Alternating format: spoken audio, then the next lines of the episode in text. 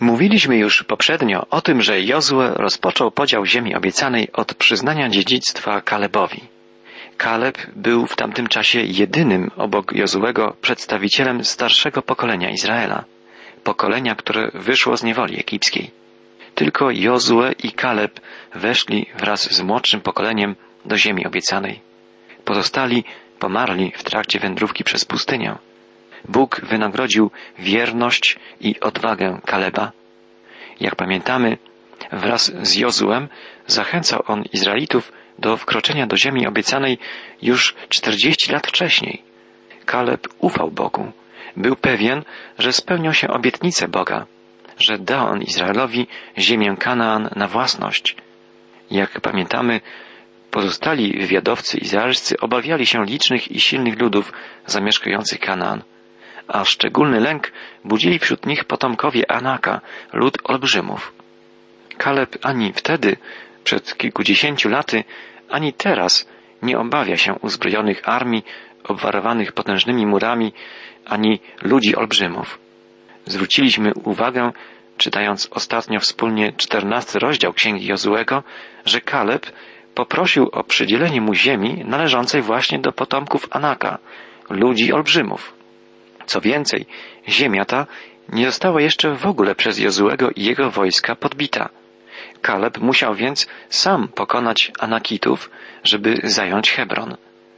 Kaleb był jednak pewien, że Bóg da mu zwycięstwo w tej walce. I tak się rzeczywiście stało. W zakończeniu czternastego rozdziału Księgi Jozuego czytamy, że Hebron został własnością Kaleba na zawsze. Dlaczego tak się stało? Bo był wierny Bogu, ufał Mu.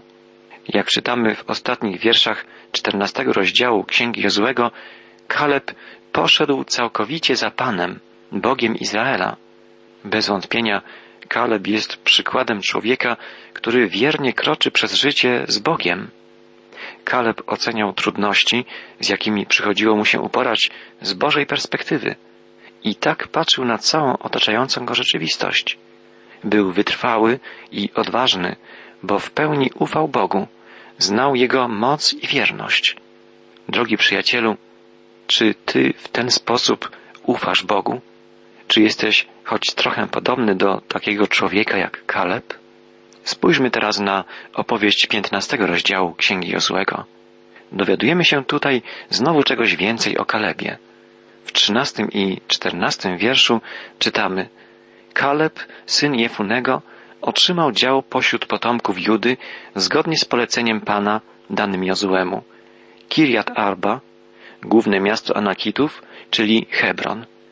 Kaleb wypędził stąd trzech synów Anaka, Szeszaja, Achimana i Talmaja. Pierwotna nazwa Hebronu, Kirjat Arba, pochodziła od imienia największego z olbrzymów, Arby. Kaleb pokonał samego Arbę i trzech jego synów. Rozprawił się więc z przywódcami gigantów i podbił całą ich ziemię. Pamiętamy z lektury czternastego rozdziału, że Kaleb powiedział Jozuemu, iż mimo, że ma już osiemdziesiąt pięć lat, zachował pełnię sił i że jest tak samo zdolny i chętny do walki z wrogimi olbrzymami, jak wtedy, gdy był młody. Widzimy, że nie były to słowa bez pokrycia. Gdy myślę o Kalebie, przychodzą mi na myśl słowa, które otwierają księgę psalmów Dawida. Szczęśliwy mąż, który nie idzie za radą występnych, nie wchodzi na drogę grzeszników i nie siada w gronie szyderców, lecz ma upodobanie w prawie Pana. Nad Jego prawem rozmyśla dniem i nocą.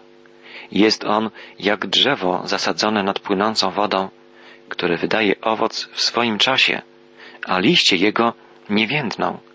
Co uczyni, pomyślnie wypada. Kaleb był właśnie takim człowiekiem. Wiemy, że należał on do plemienia Judy i o terytorium przyznanym temu właśnie plemieniu mówi cały piętnasty rozdział Księgi Jozłego. Dowiadujemy się, że pokolenia izraelskie otrzymały swój dział losem. Piętnasty rozdział opisuje terytorium, które przypadło plemieniu Judy. Od początku tego rozdziału czytamy Pokolenie potomków Judy otrzymało losem swój dział według rodów ku granicy Edomu na pustyni Sin na południe, aż do najdalszych krańców południowych. Ich granica południowa biegła od południowego krańca Morza Słonego do wybrzeża Zatoki Południowej i kierowała się dalej na południe od wzgórza Skorpionów, przechodziła przez Sin i szła na południe do Kadesz Barnea. Dalej przechodziła przez Asmon, dosięgała potoku egipskiego i kończyła się nad brzegiem morza. Granicą wschodnią było Morze Słone, aż do ujścia Jordanu. Granica po stronie północnej rozpoczynała się od zatoki morza przy ujściu Jordanu. Następnie granica biegła w górę do Debiru. Zwracała się ku północy do Gilgal, naprzeciw wyżyny Adumim, położonej na południe od strumienia. Dalej granica dochodziła do wód En-Szemesz i kończyła się przy źródle En-Rogel. Następnie granica wznosiła się doliną Ben-Hinom na południe od grzbietu gór Jebusyty, to jest Jerozolimy. Wchodziła na szczyt góry leżącej naprzeciw doliny Hinom od zachodu i na krańcu północnym doliny Refaim. Ze szczytu góry biegła granica aż do źródła wód Neftoach i prowadziła do miast góry Efron. Dalej zwracała się do Bali, czyli Kirjat Jearim. I tak dokładnie czytamy o granicach tej części przyznanej pokoleniu Judy. W końcowych wierszach tego fragmentu czytamy Granica dosięgała północnego grzbietu Ekronu, potem zwracała się do Shikron, przechodziła przez górę Bali, zbliżała się do Jabnel i kończyła się nad morzem.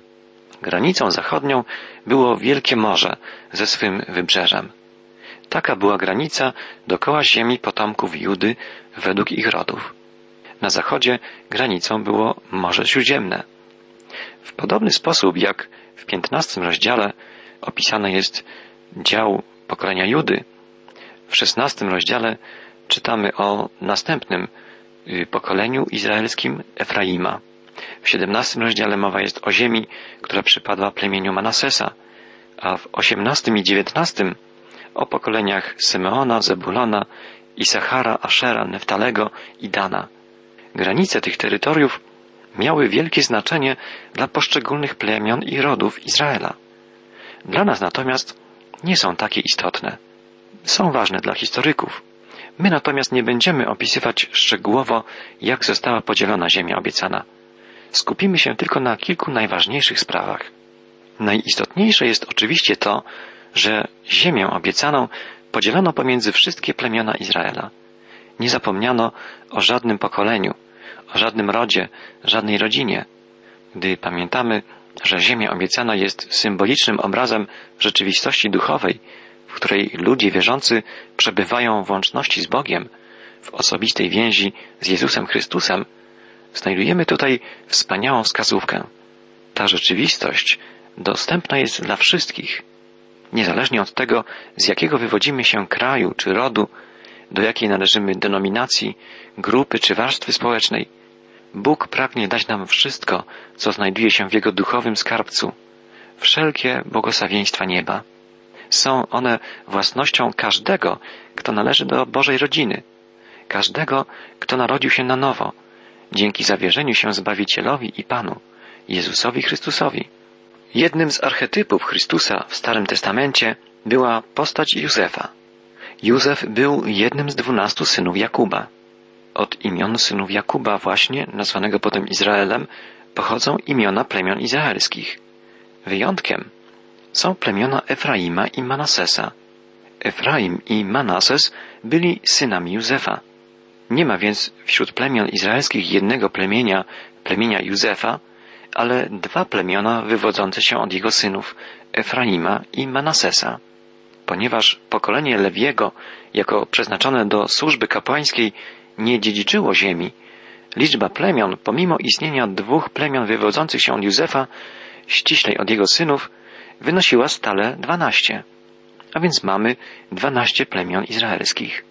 Mówiliśmy już o plemieniu Judy, z którym związany był Kaleb, a teraz w szesnastym rozdziale Księgi Jozułego czytamy o plemionach Efraima i Manasesa i o ziemi, którą przypadła im w udziale.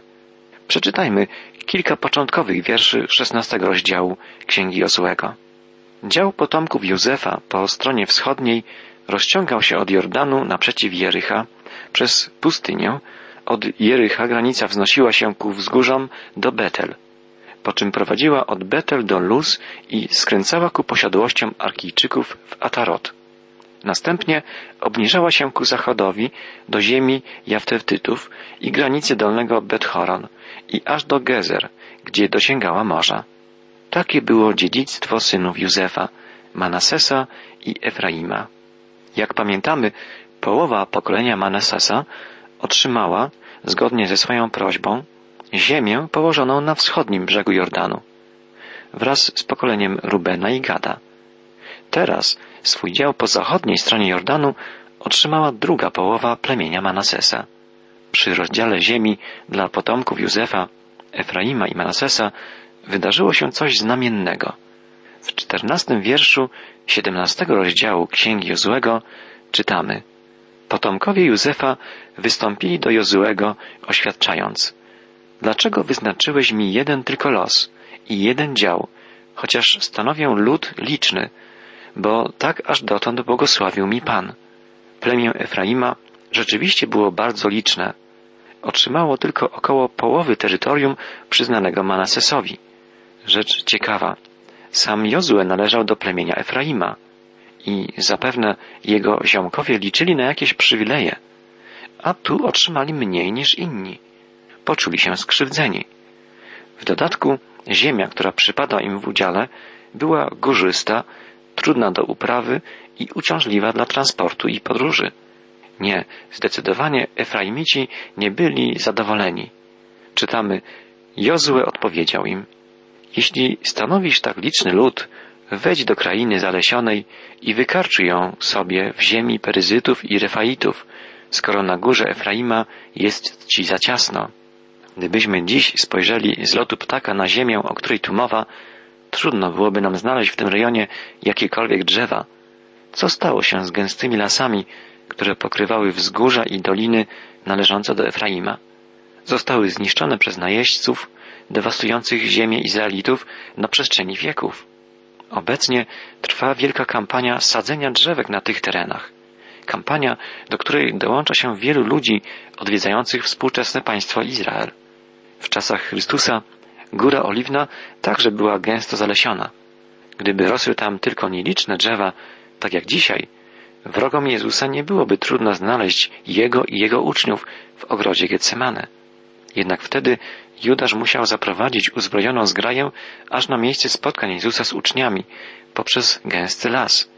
W czasach Jozłego zalesione były znaczne połacie ziemi obiecanej.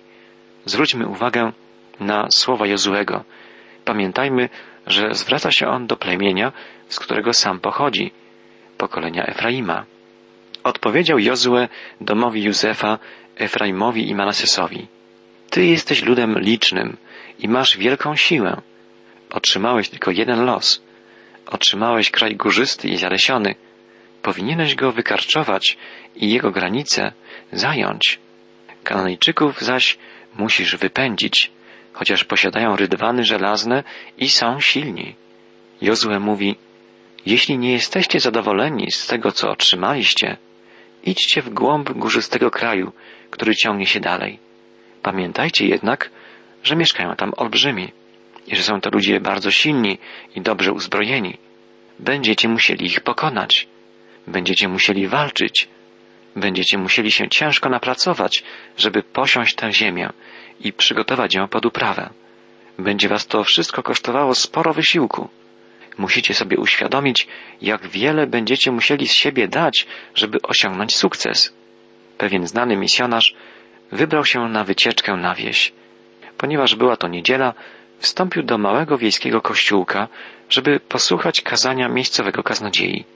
Jakie było jego zaskoczenie, gdy zorientował się, że młody ksiądz wygłasza niemal słowo w słowo jedno z jego kazań, opublikowanych przed kilku laty w zbiorze kazań w Postylii. Gdy na zakończenie ów ksiądz żegnał się z wychodzącymi z kościoła ludźmi, misjonarz, wymieniając z nim uścisk dłoni, powiedział Dziękuję księdzu za dobre kazanie. Jak długo ksiądz musiał je przygotowywać? Ach, tylko dwie godziny, odpowiedział ksiądz. To dziwne, powiedział misjonarz. Ja przygotowywałem je ponad osiem godzin. Tak, to wymaga wysiłku, żeby zrozumieć i przyjąć bogactwo duchowych skarbów, które przygotował nam Bóg. Zawarł je w swoim słowie. Trzeba włożyć wiele pracy w to, żeby posiąść na własność treści i wartości pochodzące od Boga, objawione nam w Słowie Bożym. Wymaga to wiele wysiłku, wiele pracy, żeby zająć ziemię obiecaną. To znaczy, żeby wejść w żywą, osobistą więź, wspaniałą relację z Bogiem, z żywym Panem. Pewien student szkoły biblijnej po trzech latach po ukończeniu studiów odwiedził swojego profesora. Powiedział, Panie profesorze, pełnię od trzech lat funkcję pastora.